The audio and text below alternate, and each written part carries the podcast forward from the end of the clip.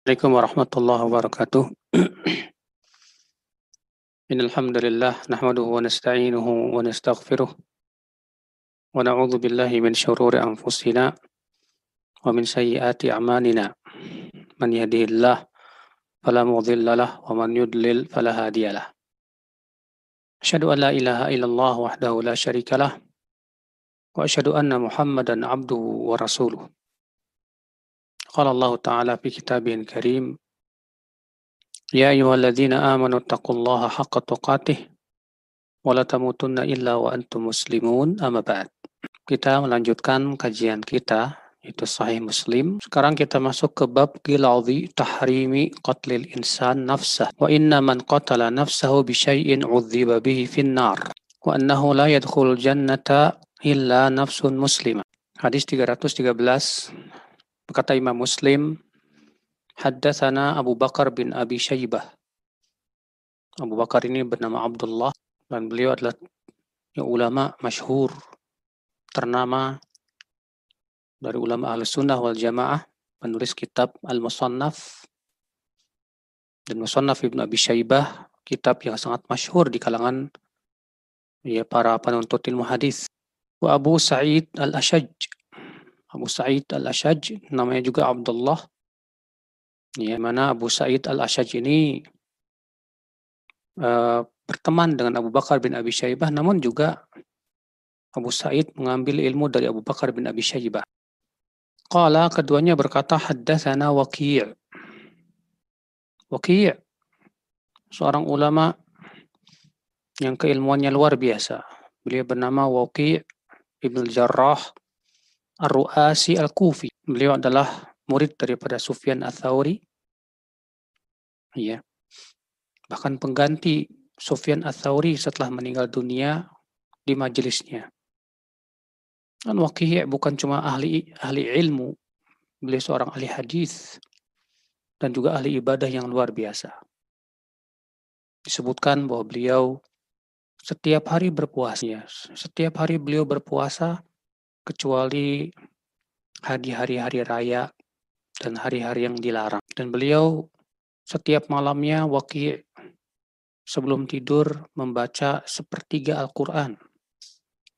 Baru kemudian tidur. Bahkan dalam satu riwayat beliau hampir setiap malam menghatam Al-Quran. Dari Al-A'mash. Al-A'mash namanya Sulaiman bin Mihran Al-Kufi.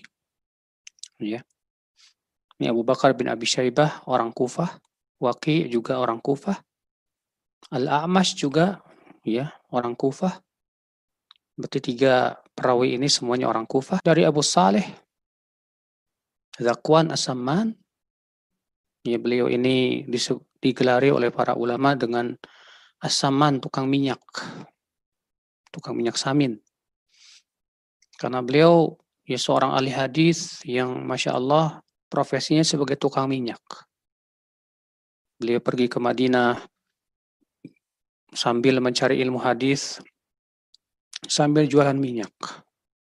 Pergi ke Kufah, ya, sambil mencari ilmu hadis, sambil jualan minyak. Masya Allah. Dari Abu Hurairah, dari Abu Hurairah, semoga Allah meridainya, seorang sahabat yang mulia, yang sahabat yang paling banyak meriwayatkan hadis, ya, Padahal persahabatan Abu Hurairah dengan Rasulullah hanya tiga tahun saja.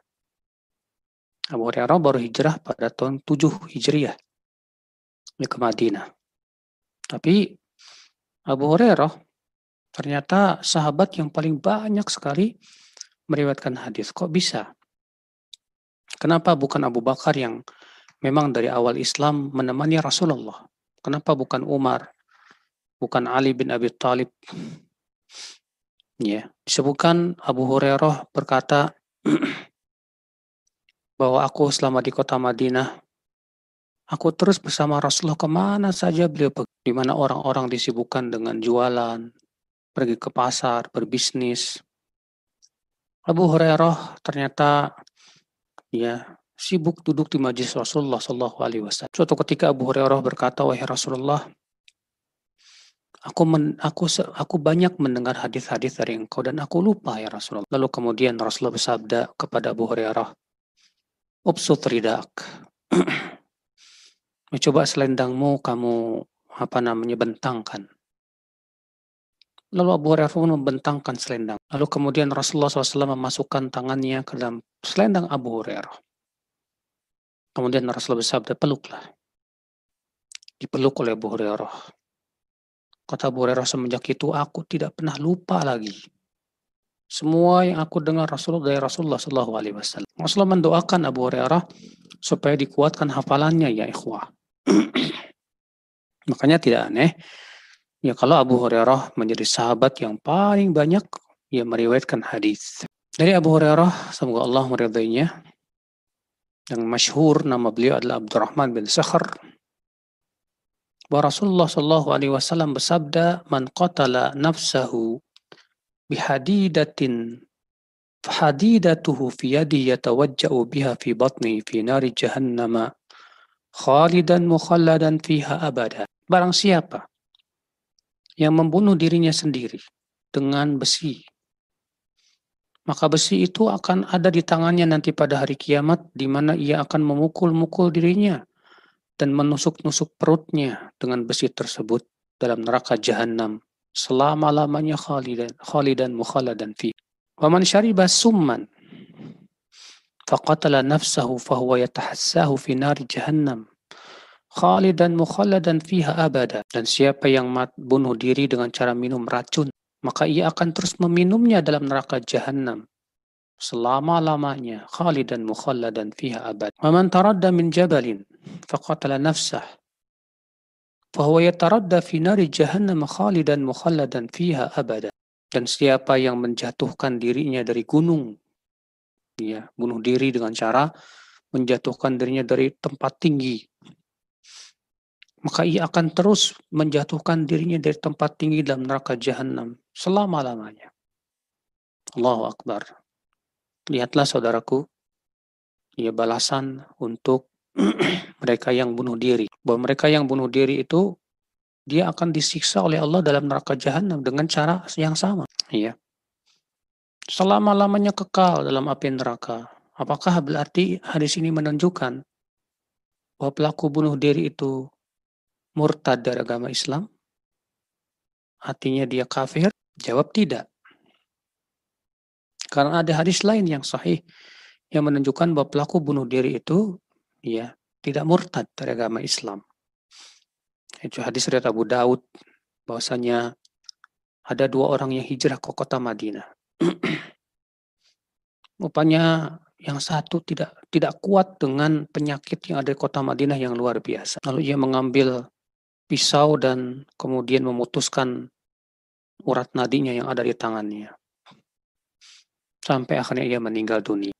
Suatu malam temannya bermimpi melihat dia dalam keadaan elok rupawan. Lalu temannya berkata, apa yang Allah lakukan kamu? Ya Allah, apa yang Allah lakukan kepada kamu? Kata temannya yang udah meninggal dunia ini, Allah ampuni dosaku dengan hijrahku. Akan tetapi Allah tidak mau memperbaiki tanganku. Karena itu ya akibat perbuatan diriku sendiri. Ini menunjukkan bahwa pelaku orang yang bunuh diri itu ya tidak tidak murtad. Lalu kenapa dalam hadis ini disebutkan bahwa orang yang bunuh diri dengan cara minum racun, maka dia akan terus minum racun selama-lamanya kekal dalam neraka. Ini kata para ulama bagi mereka yang menghalalkan, yang meyakini kehalalannya seperti halnya kalau kita lihat di Jepang misalnya ya. Di Jepang itu mereka punya keyakinan bunuh diri itu malah kemuliaan, kehormatan. Ya. Maka kalau punya keyakinan seperti ini, di mana dia yakin bahwa bunuh diri itu halal, boleh, ya, maka inilah yang akan kekal dalam neraka jahanam selama-lamanya karena menghalalkan apa yang sudah jelas haram dalam Islam. Bahkan meyakini kehalalan yang sudah jelas ya haramnya dalam Islam. Kecuali kalau memang dia terkena syubhat misalnya. Ya syubhat pemikiran. Dia kira bahwa itu boleh-boleh saja karena kebodohan dia jahil. Ya, maka yang seperti ini wallahu alam tetap diberikan udur nanti ya pada hari kiamat. Saudaraku seiman, azani Allah wa yakum. Hadis ini menunjukkan kepada kaidah al-jaza'u min jinsil amal. Bahwa balasan itu sesuai dengan jenis perbuatan. Orang yang bunuh diri dengan cara menusuk dengan samurai misalnya. Maka Allah akan jadikan dia di dalam, dalam neraka jahanam menusuk-nusuk dirinya dengan samurai itu. Bagi Allah itu mudah ya akhi. Ya. Maka dari itu ya akhi seorang muslim seberat apa pun ujian dan cobaan tidak boleh ia bunuh diri. Seberat apa pun sakit yang ia derita, ya sabar, sabar. Jangan jangan ia mempercepat ya, dirinya dengan cara membunuh dirinya. Itu tidak ada kebaikan sama sekali. Dan kadang kita lihat di zaman sekarang ya, banyak orang-orang yang karena nggak sabar dengan ujian yang Allah berikan, bunuh diri. Bahkan naudzubillah naif banget ya, ada seorang laki-laki bunuh diri gara-gara diputus sama pacarnya. La ilaha illallah. Ya. Ada yang bunuh diri ya gara-gara putus pacaran. Ya, ada yang bunuh diri ya gara-gara banyak hutang. Ada yang bunuh diri karena tidak tercapai cita-citanya. Kita katakan ya akhi. Ya. Semua ini adalah haram. Karena orang hakikat orang yang bunuh diri itu adalah orang ini sudah merasa putus asa dari rahmat Allah. Padahal rahmat Allah sangat luas sekali. Dia bunuh diri seakan-akan Allah tidak akan lagi merahmati ke dirinya. Maka haram ya ini termasuk dosa besar. Ya kewajiban dia adalah yakin kalau dia sabar Allah pasti berikan kepada dia pertolongan. Yakin bahwasanya Ya Allah subhanahu wa ta'ala itu pemurah, rahmatnya luas. Bukankah Allah mengatakan wa rahmati wasi'at kulla syai. Dan rahmatku meluasi segala sesuatu. Ya. Baik ya akhi, kemudian Imam Muslim membawakan sanad yang lainnya. Wa haddatsani Zuhair bin Harb haddatsa qala haddatsana Jarir ha wa haddatsana سعيد بن عمرو الأشعثي حدثنا عبثر قال وحدثني يحيى بن حبيب حبيب الحارثي قال حدثنا خالد يعني ابن الحارث قال حدثنا شعبة كلهم بهذا الإسناد مثله وفي رواية شعبة عن سليمان قال سمعت ذكوان ini jalan-jalan daripada hadis dan memang ya di antara keistimewaan Sahih Muslim Imam Muslim ya membawakan jalan-jalan yang banyak dari suatu hadis untuk lebih menguatkan hadis tersebut. Sebab kalau jalannya banyak, beberapa jalan, demikian pula adanya mutabaat dan yang lainnya, akan hilanglah syubhat. Ya. Kalau ternyata di dalam sanatnya itu ada perawi yang masih diperselisihkan misal. Hadis berikutnya hadda berkata Imam Muslim haddatsana Yahya bin Yahya. Yahya bin Yahya ini ya At-Tamimi beliau adalah guru Imam Bukhari dan Muslim Yahya bin Yahya yang mengatakan ad-difa'u anis sunnah ahabbu ilayya min ad-darb bisayfi sabilillah membela sunnah kata Yahya bin Yahya lebih aku cintai, lebih aku sukai daripada berperang dengan pedang dan panah di jalan Allah. Ya, lalu kemudian ditanya, Yahya, bukankah mereka yang berjihad itu mencampakkan dirinya kepada ya pembunuhan dan sangat melelahkan sekali. Ternyata membela sunnah lebih engkau sukai. Kata Ibu Yahya, ya bahkan jauh sekali pahalanya. Dan ini memang benar, kata Imam Ibnu Qayyim, membela sunnah itu hakikatnya membela dasarnya Islam. Dasar Islam itu apa? Al-Quran, hadis. Ini membela agama Islam, membela modal Islam. Sementara jihad itu adalah sesuatu yang melebihi kebutuhan. Ya, jihad dengan pedang dan panah itu. Maka tentu membela modal dan merupakan dasar Islam jauh lebih besar. Maka mereka yang membela sunnah ya dengan cara memilah ini sahih, ini dhaif. Demikian pula membantah orang-orang yang meragukan sunnah Nabi Shallallahu Alaihi Wasallam. Demikian pula membantah orang-orang yang menyebarkan hadis palsu, hadis doif, ya. Demikian pula membantah orang yang suka menafsirkan hadis seenaknya, sembarangan. Wallahi ya akhi itu jihad yang agung di mata Allah Subhanahu wa taala. Karena hakikatnya dia sedang membela modal Islam. Kita lanjutkan qala haddatsana Yahya bin Yahya.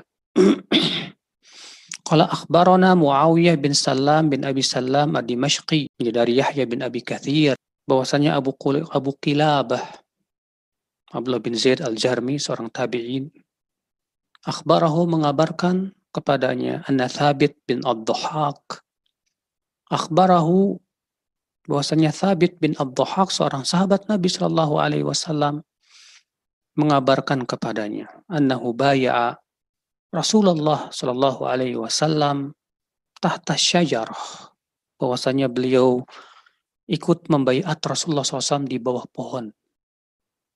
Ya, itu yang disebut dengan bayatul ridwan. Di mana ya, yang ikut bayatul ridwan sekitar sejumlah 1.500 sahabat. Di mana Rasulullah SAW membaiat ya untuk mati apa perang sampai mati. Gara-garanya waktu itu ketika Rasulullah perang, pergi umroh di tahun yang ke-6. Lalu kemudian ditahan oleh kaum musyrikin tidak boleh masuk Mekah. Lalu kemudian Rasulullah mengirim Uthman bin Affan yang kemudian terdengarlah sampailah berita bahwa Uthman dibunuh. Maka Rasulullah SAW membaiat para sahabat yang berjumlah 1.500 itu. Yang terkenal dengan bayatul ridwan. Ya. Dan Allah Subhanahu wa taala sudah menyatakan keriduan kepada orang-orang yang membaiat Rasulullah di bawah pohon itu. Allah berfirman, "Laqad radiyallahu 'anil mu'minina idh yubayyi'unaka tahta syajarah fa'alima ma fi qulubihim." Ya, fa'anzala sakinata 'alaihim wa athabahum fathan qariba.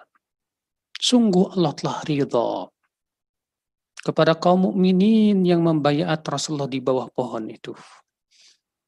Atas dasar inilah para ulama mengatakan semua sahabat yang berbayat, yang ikut bayat ridwan di bawah pohon itu sudah dijamin masuk surga semuanya. Subhanallah. Karena Allah sudah menyatakan keridhaannya kepada mereka. Ternyata Sabit bin Al-Dhahak ini termasuk sahabat yang membaiat Rasulullah Shallallahu Alaihi Wasallam ya di bawah pohon. Itu bayatul ridwan yang sangat masyhur. Yang kemudian setelah itu terjadi perdamaian Hudaybiyah. Ya. Akhul Islam saudaraku seiman azani Allah wa Kemudian kata beliau, anna Rasulullah SAW kal bahwasanya Rasulullah SAW bersabda, kata Thabit bin Abduhaq, Man halafa ala yaminin bimillatin ghairil islami kadhiban fahuwa kama qal. Barang siapa yang bersumpah dengan agama selain Islam secara dusta maka ia seperti yang diucapkannya. Wa man qatala nafsahu bi syai'in udziba bihi yaumil qiyamah. Dan, dan barang siapa yang membunuh dirinya sendiri dengan sesuatu ia akan diadab dengan sesuatu tersebut pada hari kiamat. Walaysa ala rajulin nadhrun fi syai'in la yamlikuhu. Dan tidak boleh seseorang bernadar dalam perkara yang ia tidak miliki. Ya. Hadis ini saudara-saudaraku sekalian, azan ya Allah wa yakum, kita ambil faidah yaitu haramnya ya apa namanya bersumpah dengan agama selain Islam. Tidak boleh ya seorang muslim bersumpah ya dengan selain Islam. Karena agama selain Islam tidak diridhai oleh Allah Subhanahu wa taala. Saudaraku seiman, seorang muslim ya diminta untuk loyal kepada agamanya. Agama yang Allah Subhanahu wa taala ridhai. Ya. Karena yang agama yang Allah ridhai adalah Islam saja. Maka seseorang ya harus yakin bahwasanya selain Islam Allah tidak ridhai. Bukankah Allah berfirman, Inna dina indallahil Islam. Sesungguhnya agama di sisi Allah adalah Islam saja. Bukankah Allah juga yang berfirman dalam surat Ali Imran, "Wa may yabtaghi ghairal islami dina fala yuqbala min wa fil akhirati minal khasirin." Ya barang siapa yang menginginkan agama, yang mencari agama selain Islam tidak akan diterima oleh Allah. Dan kelak pada hari akhirat dia termasuk orang-orang yang merugi kata Allah. Ya, subhanallah. Maka semua nabi dan rasul agamanya satu, Islam, ya. Mereka semua Islam. Ini Nabi Ibrahim memproklamirkan dirinya sebagai seorang muslim. Beliau mengatakan apa? Hanifah muslima. Ya, beliau adalah hanif dan muslim. Ya. Demikian pula semua nabi dan rasul, mereka semua di atas agama Islam, akhi. Itu agama tauhid. Agama yang melarang kesyirikan. Maka kalau ada yang bersumpah dengan agama selain Islam. Apa kata Rasulullah? Man halafa bimillatin ghairil islami kadiban muta'ammidan fahuwa kama qal.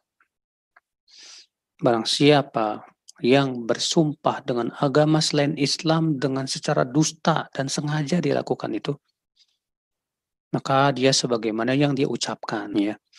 Kata Syah bin Baz ketika menjelaskan hadis ini, la yajuz lil insan an yaqul huwa yahudi ya la yukallim fulanan aw nasrani la yukallim fulanan huwa wathani ma yukallim fulanan ma yajuzul kalam hadha walakin ma yakunu kafiran bihadha yakunu asiyan wa zaliman li nafsi لأنه ما أراد الكفر وإنما أراد التشديد على نفسه والتأكيد حتى لا يكلم فلانا ولم يرد أنه يهودي فلا يكون بهذا كافرا ولكن يكون عاصيا tidak boleh ada orang yang bersumpah ya dengan mengatakan ya demi Yahudi. Ya, secara dusta hanya karena dia tidak mau bicara sama seseorang misalnya atau dia bersumpah dengan agama Nasrani hanya karena tujuannya nggak mau bicara sama seseorang misalnya. Maka orang seperti ini saudaraku ya telah melakukan sesuatu yang besar. Tapi apakah dia kafir? Kata beliau tidak, karena dia tidak mengucapkan itu bukan karena kekufuran karena dia ingin kafir tidak. Beda kalau dia misalnya bersumpah dengan agama dengan selain Islam ya dengan keyakinan bahwa itu adalah agama yang benar, ya. Maka yang seperti ini saudaraku sekalian ya bisa masuk kufur besar. Karena tidak mungkin seorang muslim ya akhi ridho ya dengan apa? Ridho dengan kekafiran ridho dengan agama selain Islam. Tidak mungkin selama-lamanya. Ya, maka kalau ada seorang muslim ridho dengan agama selain Islam, dia sudah menentang Allah. Allah yang sudah menyatakan mengatakan dalam Al-Qur'an bahwa agama yang di, yang diridhai oleh Allah di sisinya hanya Islam. Ya. Faedah yang kedua yang bisa kita petik dari hadis ini sesuai dengan bab yang kita sedang bahas yaitu haramnya bunuh diri dan bawa dan bahwasanya orang yang bunuh diri ya dengan menggunakan sesuatu maka ia akan diadab dengan sesuatu itu terus nanti di dalam neraka jahanam ya hadis ini juga menunjukkan saudaraku sekalian faedah yang ketiga haramnya bernadar dalam perkara yang kita tidak miliki. Contoh misalnya kalau ada orang berkata saya bernadar untuk berinfak dengan uang ya 100 juta padahal dia nggak punya duit 100 juta. Nggak boleh. Atau misalnya mengatakan saya bernadar untuk menginfakkan mobil Innova tetangga saya. Wah ini maling. Ya. Bagaimana dia bernadar dalam perkara yang ia tidak miliki? Maka ini tidak diperbolehkan. Karena ya syarat nadar itu kata para ulama adalah ya dalam perkara yang ia miliki. Kita lanjutkan hadis selanjutnya berkata uh, Imam Muslim Haddatha wa haddathani Abu haddathani Abu Ghassan Al-Misma'i Qala haddathana Mu'ad yaitu Ibnu Hisham Qala haddathani Abi yaitu Hisham ini dari Yahya bin Abi Kathir Ia berkata haddathani Abu Qilabah dari Sabit bin Ad-Dhahhak dari Nabi Shallallahu Alaihi Wasallam bersabda laisa ala rajulin nadrun fi ma la yamlik. Wa la'nul mu'min ka qatlih. Wa man qatala nafsahu bi syai'in fid dunya udhiba bihi yaumal qiyamah. Wa man idda'a da'wa kadhibatan yatakassara biha lam yazidhu Allah illa qillatan. Wa man halafa ala yamini sabrin fajirah. Ya. Nabi Shallallahu Alaihi Wasallam bersabda, tidak ada dan tidak boleh seseorang bernadar dalam perkara yang dia tidak miliki. Dan melaknat mukmin sama dosanya dengan membunuhnya. Dan siapa yang membunuh dirinya sendiri dengan sesuatu di dunia, maka ia akan diadab ya dengannya pada hari kiamat. Dan barang siapa yang mengaku-ngaku mengklaim sesuatu secara dusta, ya untuk supaya lebih banyak hartanya dengannya, maka tidak akan Allah tambahkan kecuali ya sesuatu yang sedikit saja. Ya, dan siapa yang bersumpah atas sumpah sabar yang fajirah. Ya. Demikian pula orang ini sama dosanya besar di sisi Allah Subhanahu wa taala. Saudaraku seiman, azani Allah wa. Kembali hadis ini menyebutkan tentang nazar. Uh, sedikit kita ingin berkenalan tentang apa itu nazar ya. Karena sudah dua kali hadis dalam hadis disebutkan tentang nazar, maka kita sedikit membahas tentang nazar. Dan sebetulnya tadi pagi sudah yang ikut kajian saya tadi pagi sudah saya bahas, tapi tidak apa-apa. Ya, sekarang kita bahas kembali supaya lebih kita pahami lagi. Apa sih nadar itu? Nadar Artinya, ya, mewajibkan kepada diri sendiri sesuatu yang Allah tidak wajibkan. Itu namanya nadar ya. Dan nadar, saudaraku seiman, azan ya Allah wa yakum, perkara yang dipuji. Kalau memang tujuannya untuk taat kepada Allah Subhanahu wa taala. Allah berfirman dalam surat Al-Insan ayat 7 yufuna bin nadri wa yakhafuna yawman kana syarruhu mustatira mereka melaksanakan nadar dan mereka merasa takut kepada suatu hari yang keburukannya itu tersebar. Nabi juga bersabda, "Man nadhar an yuti Allah falyuti'hu, wa man nadhar an ya'si Allah fala ya'sih." Siapa yang bernadar untuk menaati Allah, hendaklah ia taati Allah. Dan siapa yang bernadar untuk memaksiati Allah, jangan ia memaksiati. Nadar, saudaraku, ada syarat-syarat yang harus dipenuhi. Di mana ya syarat nadar ada dua macam. Ada syarat nadar yang berhubungan dengan orang yang melakukan nadar. Orang yang melakukan apa? Nadar. Dan ada lagi syarat yang berhubungan dengan yang dinadarkan berupa amal soleh. Kita bahas dulu yang pertama itu syarat orang yang bernadar. Apa saja syarat orang yang bernadar? Yang pertama, harus Islam, Muslim dia. Maka orang kafir tidak sah nadar. Syarat yang kedua, tidak boleh dalam keadaan dipaksa. Maka kalau ada orang yang nadar karena dipaksa, nggak sah nadar. Syarat yang ketiga, ya, nafidut tasarruf fima yanzur. Itu dia memang punya apa namanya kebebasan untuk melaksanakan ya, nadar. Beda dengan anak kecil atau orang gila. Syarat yang keempat itu mukallaf, balik dan berakal. Syarat yang kelima yaitu mengucapkan nazar. Jadi tidak tidak cukup sebatas isyarat. Ya. Harus diucapkan dan mengucapkannya juga harus menunjukkan ke, apa kepada kalimat yang menunjukkan kepada kewajiban kepada diri. Contoh misalnya kalau ada orang berkata, ya saya bernadar lakukan ini. Itu nadar jalan. Atau misalnya mengatakan saya ya mewajibkan kepada diri saya untuk puasa setiap harinya tiga hari. Tanggal 13, 14, 15 misalnya. Ya. Maka itu jadi nadar. Adapun kalau ternyata kalimatnya tidak menunjukkan kepada mewajibkan diri. Contoh misalnya, ya, saya mau memberi kamu uang besok. Apakah itu nazar? Tidak. Itu bukan nazar.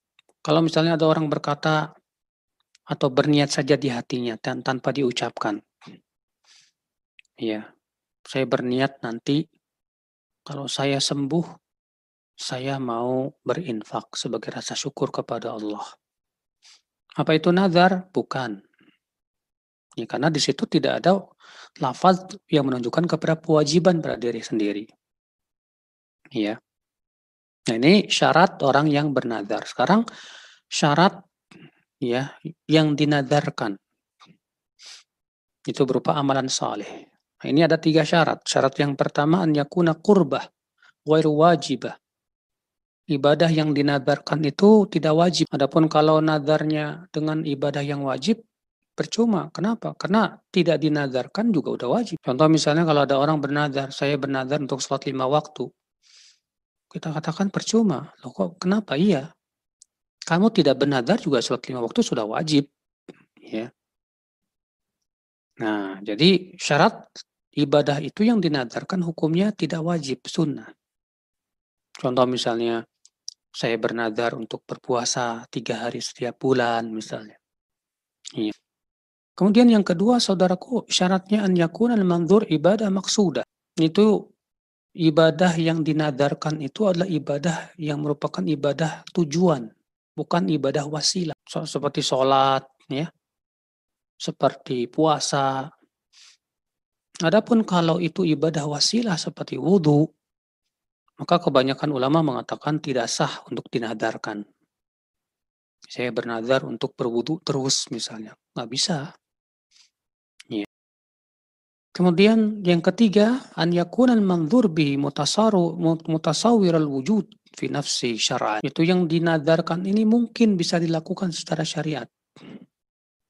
Adapun kalau tidak mungkin dilakukan secara syariat, tidak sah nadarnya. Contoh, kalau ada seorang wanita berkata, saya bernadar mau puasa selama hari-hari haid. Maka kita katakan ini nadar maksiat, nggak boleh. Karena nadar apa puasa di hari-hari haid itu tidak sah. Atau misalnya ada orang yang bernadar mau puasa setiap malam. Kita katakan tidak bisa, karena secara syariat yang namanya puasa itu siang. Dimulai dari terbit fajar sampai terbenam mata matahari. Ya. Nah, saudaraku seiman, azan ya Allah ya.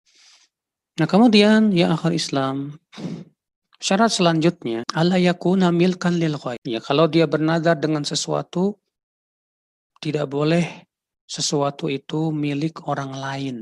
Nggak boleh. Nggak sah. Karena dalam hadis yang sudah kita bahas, yang sedang kita bahas ini begitu. Wah, ya tidak boleh seseorang bernadar dengan apa yang ia tidak miliki. Nggak boleh. Jadi syarat nadar itu apa? Dia memiliki yang dinadarkan itu. Ya, saya bernadar mau menjual mobil saya untuk saya infakkan ke sebuah mahat misalnya. Adapun kalau mobil itu milik temannya nggak boleh, haram. Ya. Nah, saudaraku se seiman azan ya Allah wa. Kemudian juga syaratnya apa? Tidak boleh yang dinadarkan itu maksiat. Maka nadar sepertinya tidak sah dan dia wajib bayar kafarat sumpah. Ya. Sekarang macam-macam nadar.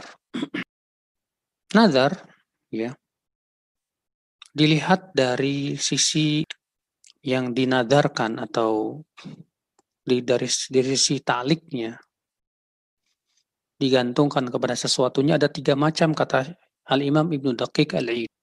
Yang pertama ma'uliqa ala wujudi ni'matin aw daf'i niqmah. Nadar karena adanya nikmat atau selamat dari mara bahaya.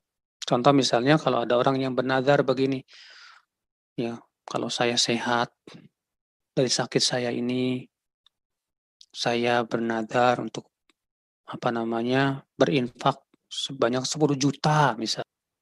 Atau misalnya karena dia selamat dari mara bahaya misalnya ada orang di lautan sana terkena badai besar. Lalu dia bernadar ya Allah kalau engkau selamatkan saya ya Allah.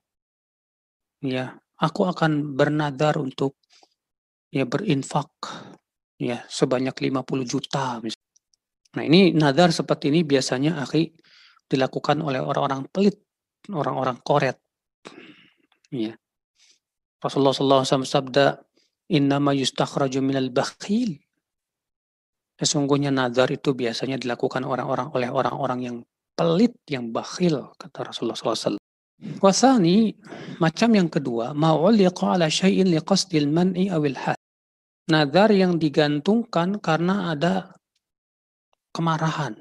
Yang disebut dengan nazar lijaj atau nazar godob. Maka kalau ada orang bernazar dalam keadaan marah, maka yang seperti ini kata Imam Syafi'i diberikan pilihan antara melaksanakan atau bayar sumpah. Yang ketiga yaitu nadar yang tidak digantungkan dengan apa pun, ya. Dia hanya sebatas mau, ben, mau menaati Allah aja udah. Dia mengatakan saya bernadar untuk berpuasa setiap bulan tiga hari dalam rangka ibadah kepada Allah. Maka ini yang dipuji oleh Allah Subhanahu wa taala di dalam Al-Qur'an. Ya, yufuna bin nadri. Mereka bernadar dan melaksanakan nadar mereka. Dan para ulama menyebutkan juga nadar ya dilihat dari apa yang dinadarkannya ada 10 ada 8 macam yaitu nadar mubham, nadar lijaj, itu nadar ghadab yang sudah kita sebutkan tadi, nadar mubah, nadar makruh, nadar maksiat, nazar taat, nazar wajib, dan nazar mustahil.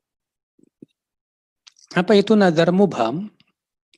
Nazar mubham artinya seseorang bernazar dengan ibadah tapi tidak menentukan ibadahnya apa. Misal kalau ada orang berkata saya bernazar mau ibadah. Tapi nggak ditentukan ibadahnya apa. Sholatkah, puasakah, nggak jelas. Maka kata Ibnu Qudamah yang seperti ini wajib bayar kafarat sumpah. Iya. Yang seperti ini wajib bayar kafarat sumpah. Dan dalam sebuah riwayat Tirmidzi dan Tirmidzi mengatakan hadis hasan sahih bahwa Nabi SAW sabda kafaratun nadar idza lam yusammi kafarat al yamin. Ya kafaratnya nazar yang tidak disebutkan ya ibadahnya apa, maka itu kafarat sumpah. Ya. Ada lagi kaf, nazar marah dalam keadaan marah tadi sudah kita sebutkan.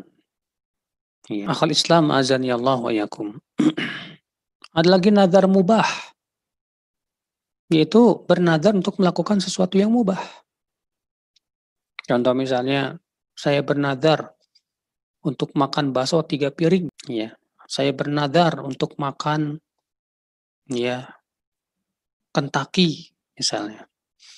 Maka yang seperti ini diberikan pilihan kepada dia apakah dia akan melaksanakan nazar melaksanakan nazarnya atau dia bayar kafarat sumpah. Ada lagi nazar makruh, yaitu bernazar untuk melakukan yang makruh. Maka ini hukumnya makruh juga. Contoh misalnya ada orang yang bernazar mau makan bawang. Dan makan bawang makruh hukumnya. Maka disunahkan dia membayar kafarat sumpah. Ada lagi yang kelima nazar maksiat. Ini jelas tidak boleh haram untuk dilaksanakan dan dia wajib membayar kafarat sumpah. Iya. Ada lagi nazar yang disebut dengan nazar taat atau tabarrur.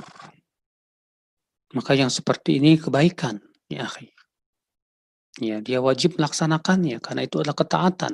Ikhwata Islam, azani Allah wa iyakum. Kemudian ada lagi nazar yang wajib. Itu bernazar untuk melaksanakan perbuatan yang wajib seperti sholat lima waktu, maka ini percuma. Ya.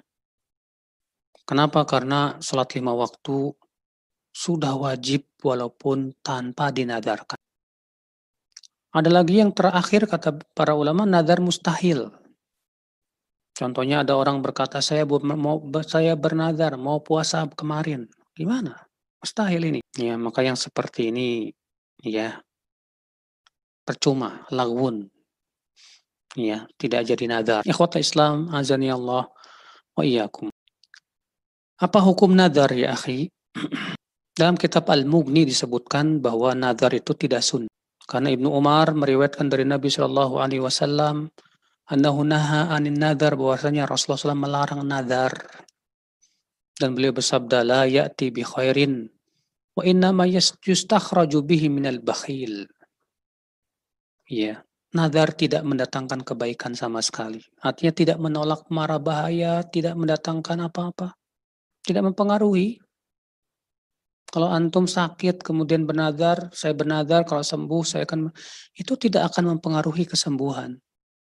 Kalau Allah takdirkan sembuh ya sembuh, kalau takdirkan enggak sembuh ya enggak sembuh. Ya, kata Rasulullah sesungguhnya nadar itu hanya keluar dari orang-orang yang bakhil saja. Ya. Ini menunjukkan bahwa nadar ini hanya dilakukan orang-orang yang bakhil. Sehingga atas dasar ini ikhtilaf para ulama tentang hukum nadar ini.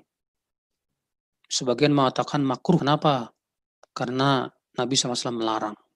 Sebagian mengatakan haram. Kenapa? Karena Nabi melarang, tegas. Ya, tapi kalau dia sudah bernadar, wajib dilaksanakan. Kalau itu memenuhi syarat-syarat yang sudah kita sebutkan. Ikhwata Islam azan ya Allah wa yakum. Kalau misalnya dia tidak melaksanakan nadarnya, apa yang harus dia lakukan, akhi? Orang yang tidak melaksanakan nazar, dia wajib melaksanakan nazar sum, apa kafarat sumpah ya.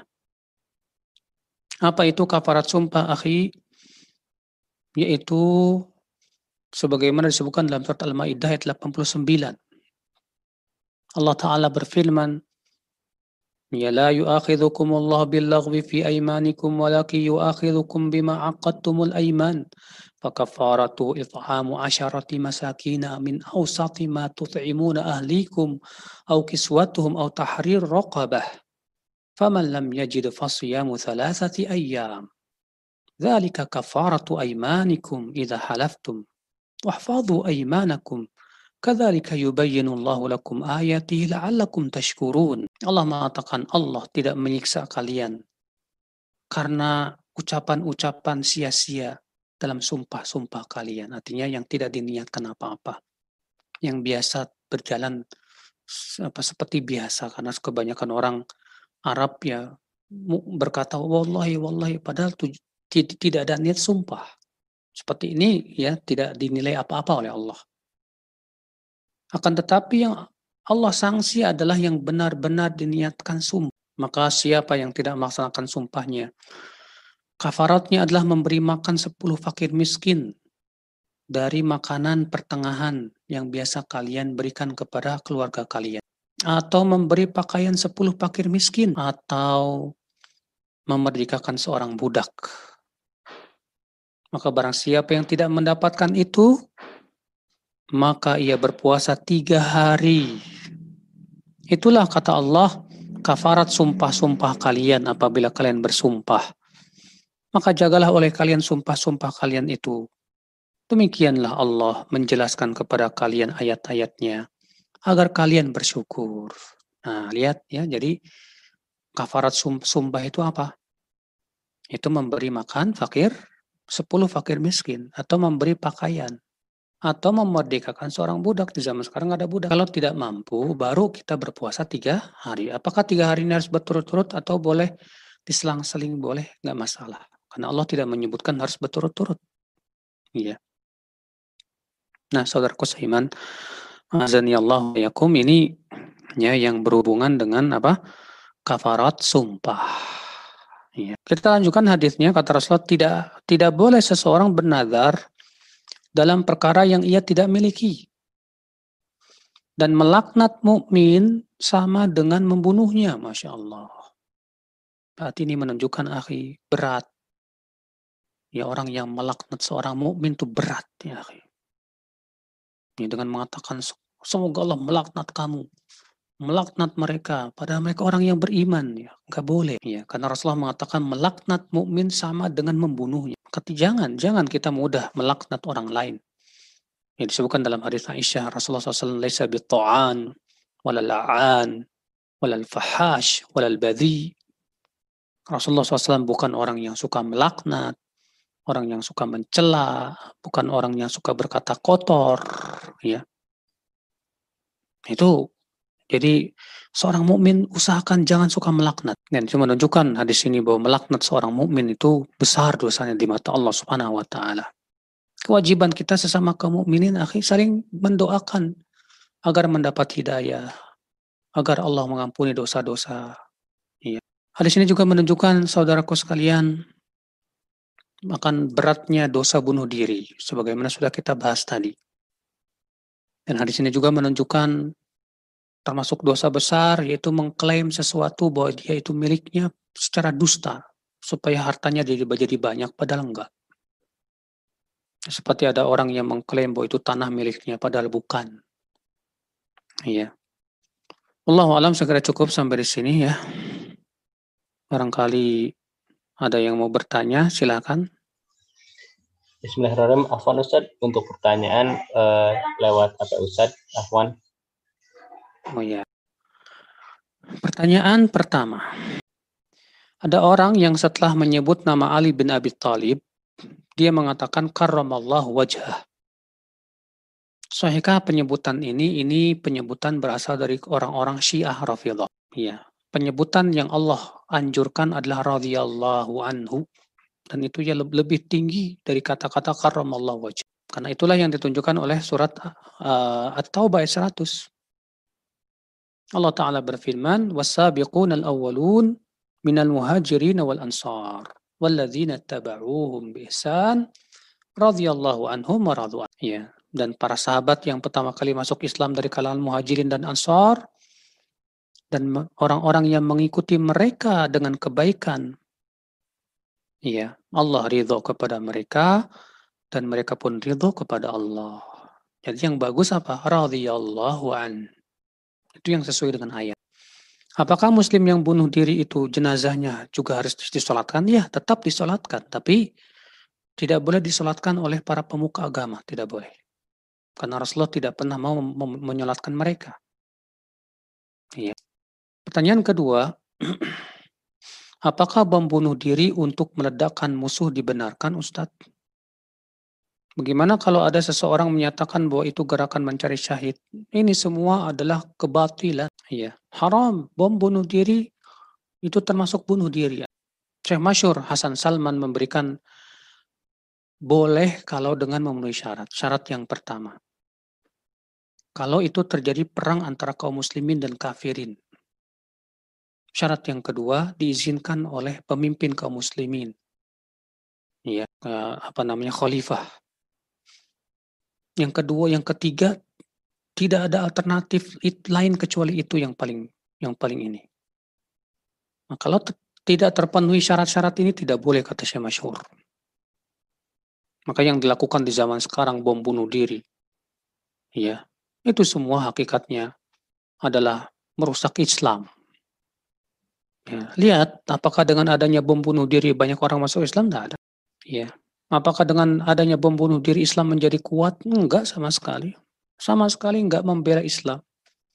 Bahkan orang semakin pobi terhadap Islam. Bahkan sunnah malah menjadi sesuatu yang menakutkan. Ya. Pertanyaan yang ketiga. Apa apa selalu sakaratul maut itu ditandai dengan nafas yang tersengal-sengal Ustadz? Bagaimana kita tahu mereka yang meninggal itu husnul khatimah atau su'ul khatimah? Apa masalah nafas tersengal-sengal memang ditunjukkan oleh hadis-hadis seperti halnya anaknya Rasulullah yang bernama Ibrahim. Dan ketika sakaratul maut itu memang sangat berat sekali. Iya. Apa tanda husnul khatimah? Yang pertama dia meninggal di atas ketaatan ya di atas kebaikan. Tidak syarat dia meninggalnya harus dalam keadaan sholat atau dalam dalam keadaan baca Quran. Tidak syarat. Yang penting ya dia di atas kebaikan. Ini ada orang misalnya sedang menuntut ilmu Allah. Seorang penuntut ilmu Allah Subhanahu wa taala dalam perjalanannya ya ketabrak meninggal. Alhamdulillah, kebaikan. Ya, atau ada orang yang meninggal di kasurnya. Sementara dia orang yang soleh, yang bertakwa kepada Allah. Bukankah Rasulullah meninggal di kasur? Rasulullah meninggal bukan dalam, dalam bukan dalam keadaan sholat kan? Iya.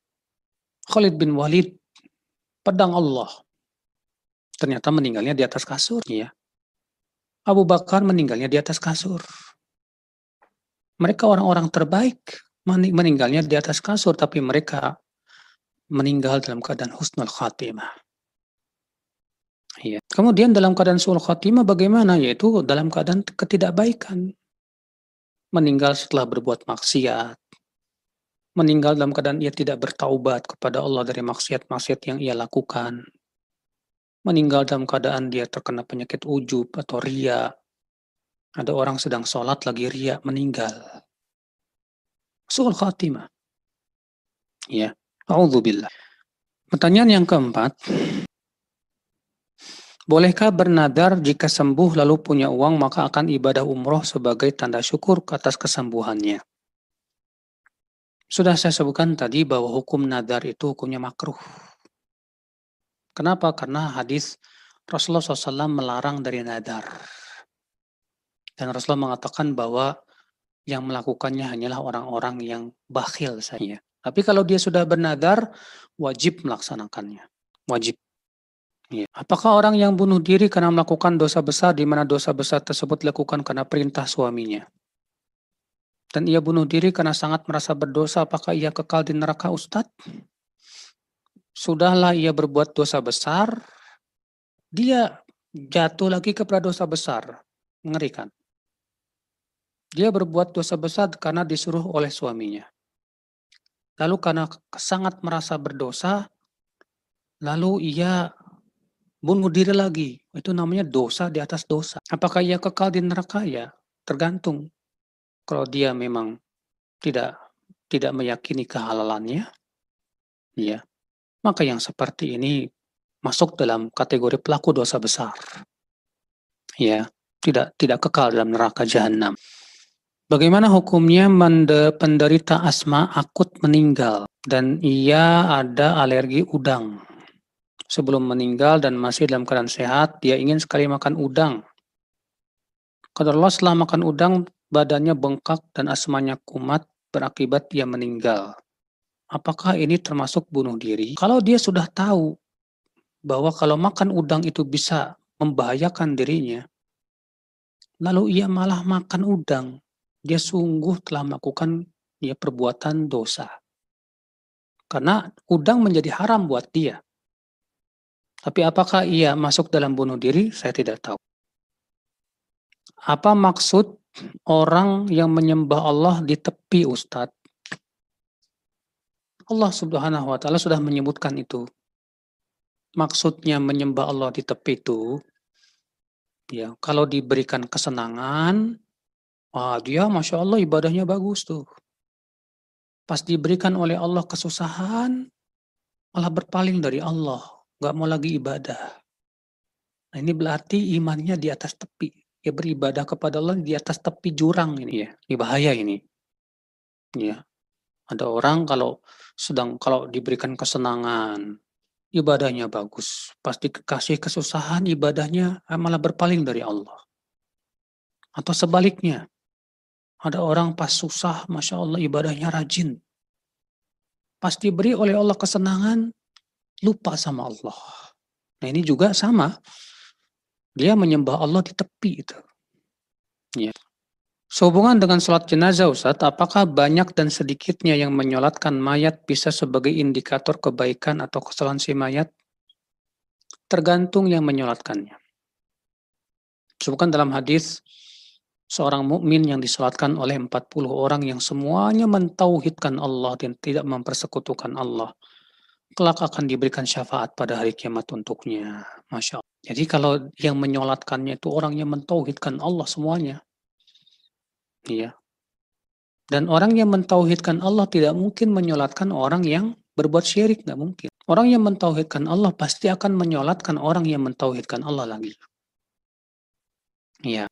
Bagaimana caranya bagi kaum muslimin agar tetap dapat memberikan syafaat untuk mayat dengan menyolatkan bersama-sama 40 orang muslim yang bertauhid.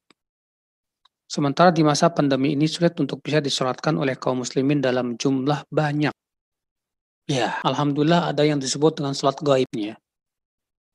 Maka kita minta teman-teman kita, saudara-saudara kita yang mentauhidkan Allah untuk menyolatkan dengan sholat gaib.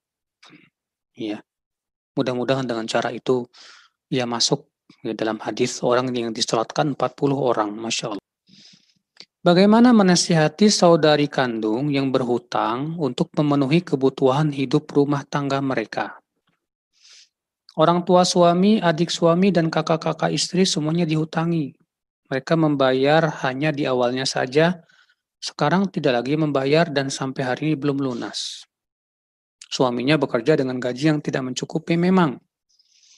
Namun hidup mereka sepertinya gali lubang tutup lubang. Mohon nasihatnya Ustadz untuk menyikapi dan solusi untuk orang saudari ini. Kalau kita tahu dia susah orangnya, hidupnya susah. Maka yang dihutangi lebih baik memaafkan aja. Allah itu pahala yang besar bagi dia. Sukan dalam hadis, ada seorang laki-laki kata Rasulullah yang dia berdiri di hadapan Allah pada hari kiamat untuk dihisap. Lalu Allah berfirman kepada si laki-laki ini, apa amalan? Laki-laki ini berkata, ya Allah, aku tidak punya amal, ya Allah. Lalu Allah berfirman, ingat. Diingat-ingat lagi. Lalu orang ini berkata, ya Allah, aku dahulu suka menghutangi orang-orang. Lalu aku melihat kalau kalau ternyata yang berhutang itu orang susah maka aku maafkan dia. Tidak perlu bayar bayar utang lagi. Maka Allah berfirman, hari ini engkau lebih layak untuk aku bebaskan dari api neraka. Masya Allah. Kalau kita membebaskan hutang orang susah, balasannya nanti di hari kiamat Allah bebaskan dari neraka. Apakah itu bukankah itu lebih baik saudaraku? Ya, Masya Allah. Pertanyaan selanjutnya, berdosakah Ustadz memberikan infak kepada yayasan yang sudah menjalankan sunnah saja? Tidak berdosa, itu bagus Pak. Ya, karena dalam rangka untuk apa? Membela sunnah Nabi. Ibu berinfak kepada yayasan yang menjalankan sunnah. Sama saja ibu ikut andil dalam membela sunnah. Itu kebaikan Bu, Masya Allah. Apakah sholat jenazah di masjid tidak mendapatkan pahala Ustadz karena menyelisih sunnah afdolnya di lapangan?